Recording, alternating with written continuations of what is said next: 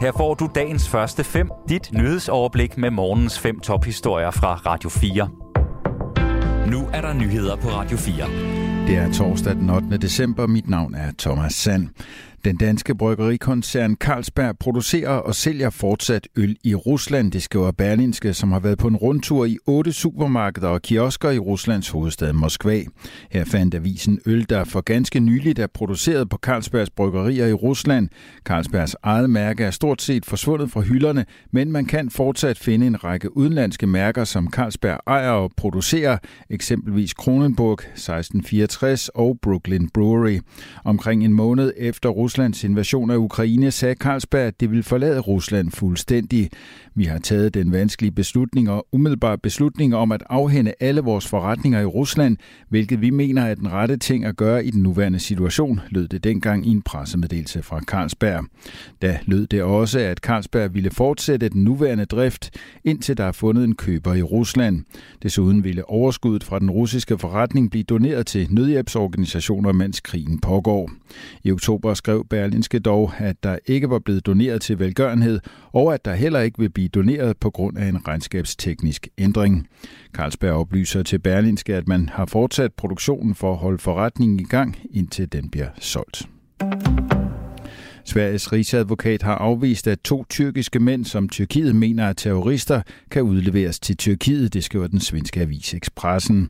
Tyrkiet har anklaget de to mænd for at stå i led med den islamistiske Gülen-bevægelse, som fik skylden for et kupforsøg i Tyrkiet i 2016. Sveriges rigsadvokat mener dog ikke, at de to mænd har både begået kriminalitet efter svensk lovgivning. Rigsadvokaten finder det derfor ikke nødvendigt med en retssag om, hvorvidt de kan udleveres. Beslutningen kan kaste grus i maskineriet i forbindelse med Sveriges ambitioner om at blive optaget i den vestlige forsvarsalliance NATO. Risikoen for, at der bliver brugt atomvåben i krigen i Ukraine er mindsket takket være internationalt pres på Rusland, det siger Tysklands forbundskansler Olaf Scholz i et interview med det tyske medie Funke. En ting har ændret sig for nuværende. Rusland er stoppet med at true med at bruge atomvåben. Som et svar på det internationale samfund, der har trukket en streg i sandet, siger han i interviewet. Adspurgt om atomtruslen fra Rusland er afværget, siger Scholz, at der for nu er sat en stopper for den. Den tyske leder lovpriser sin egen rejse til Kina for nylig og siger, at den har medvirket til udviklingen. Under mit besøg i Beijing udtrykte den kinesiske præsident Xi og jeg i fællesskab, at atomvåben ikke skal bruges. Kort tid efter genbekræftede G20-landene denne holdning, siger Scholz. Inflationen er et af de største problemer her og nu, og der skal sættes ind for at gøre levevilkårene bedre for de trængte. Sådan lyder det fra samtlige formænd for lavtingets største partier op til Færøernes valg i dag.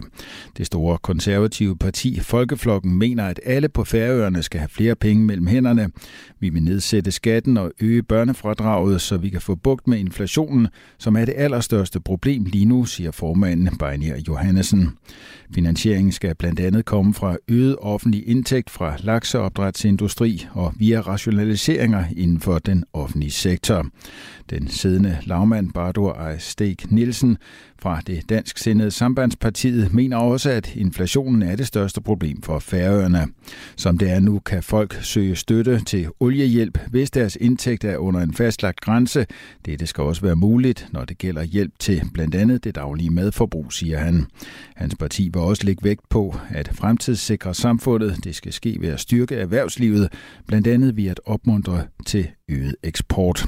I alt kæmper syv partier om de 33 pladser i lavtinget. Peru har fået landets første kvindelige præsident, det skriver nyhedsbruget Reuters. Dina Boluarte, der før var vicepræsident, er blevet taget i ed som midlertidig præsident for det sydamerikanske land, land efter præsident Pedro Castillo blev afsat i går. 101 af de 130 medlemmer i Perus parlament stemte for at fjerne Castillo fra præsidentposten.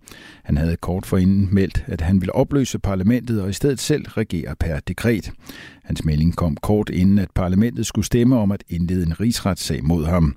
Det ville være tredje gang siden juli sidste år, at parlamentet har forsøgt at indlede en rigsretssag.